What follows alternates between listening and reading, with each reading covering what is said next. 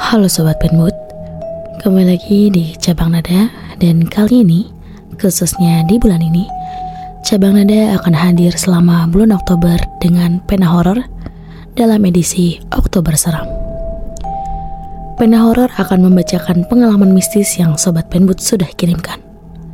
Selamat menikmati bulu kuduk yang berdiri, karena kamu tak pernah sendiri.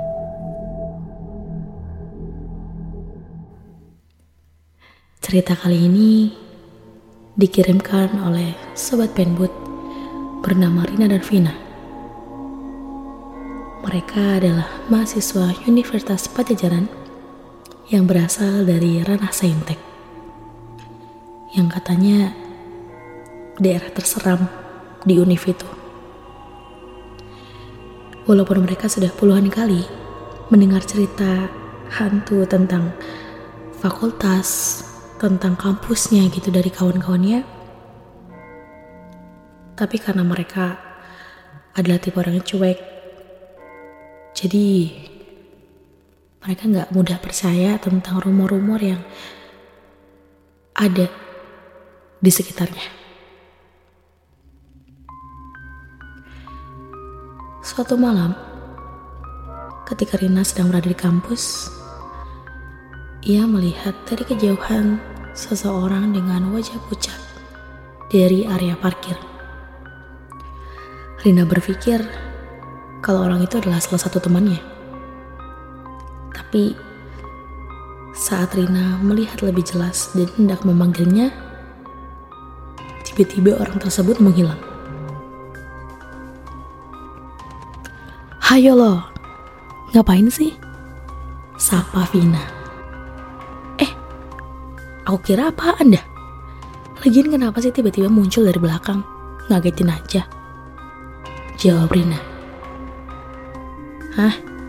Kamu lihat di mana, Rin? Gak ada orang tadi yang kulihat. Kata Vina. Masa sih? Tadi ada depan. Saya lihat mungkin ya. Jawab Rina. Saat hendak pulang, Rina melihat ada bercak ludah di salah satu lantai suatu lorong. Karena merasa risih, dia pun berinisiatif membersihkannya dengan ketus sambil berpikir siapa yang melakukan perbuatan jorok tersebut. Setibanya di kosan, Rina kembali bercerita pada Vina tentang sosok yang dilihatnya dan tiba-tiba menghilang itu. Tapi Vina tiba-tiba ingin ke kamar mandi dan saat ia hendak ke kamar mandi, dia menemukan ludah yang sangat banyak di sekitaran kloset. Padahal Vina tahu betul kalau Rina bukan tipe orang yang jorok dan dia juga merasa tidak, tidak pernah meludah seperti itu. Siapa sih yang ludah di kamar mandi?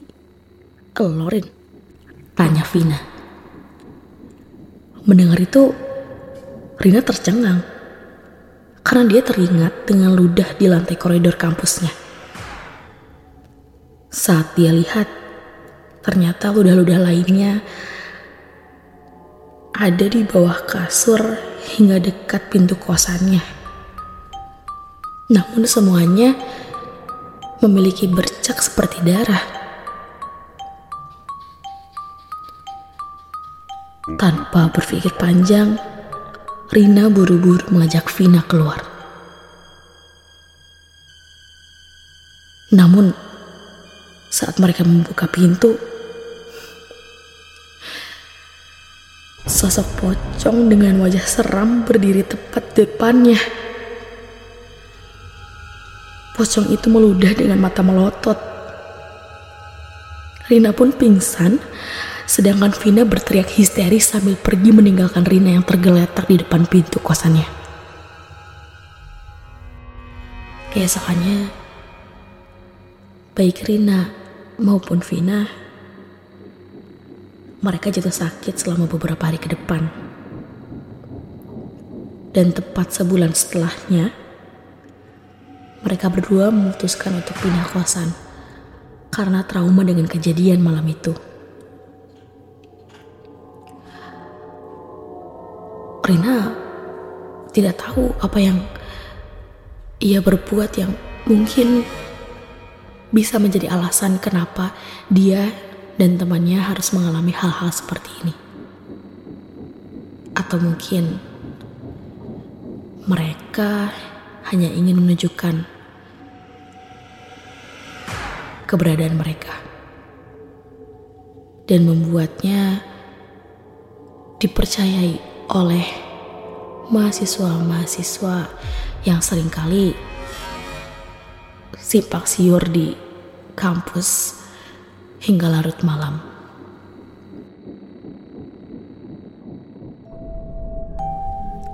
Dan itulah cerita tentang teror ludah pocong yang Rina dan Vina alami saat berkegiatan di area kampus dan ternyata sosok tersebut mengikuti mereka hingga ke kamar kosan. Dan terima kasih telah mendengarkan cabang nada dalam segmen Pena Horor. Selalu dengarkan cabang nada dan sampai jumpa di Pena Horor berikutnya.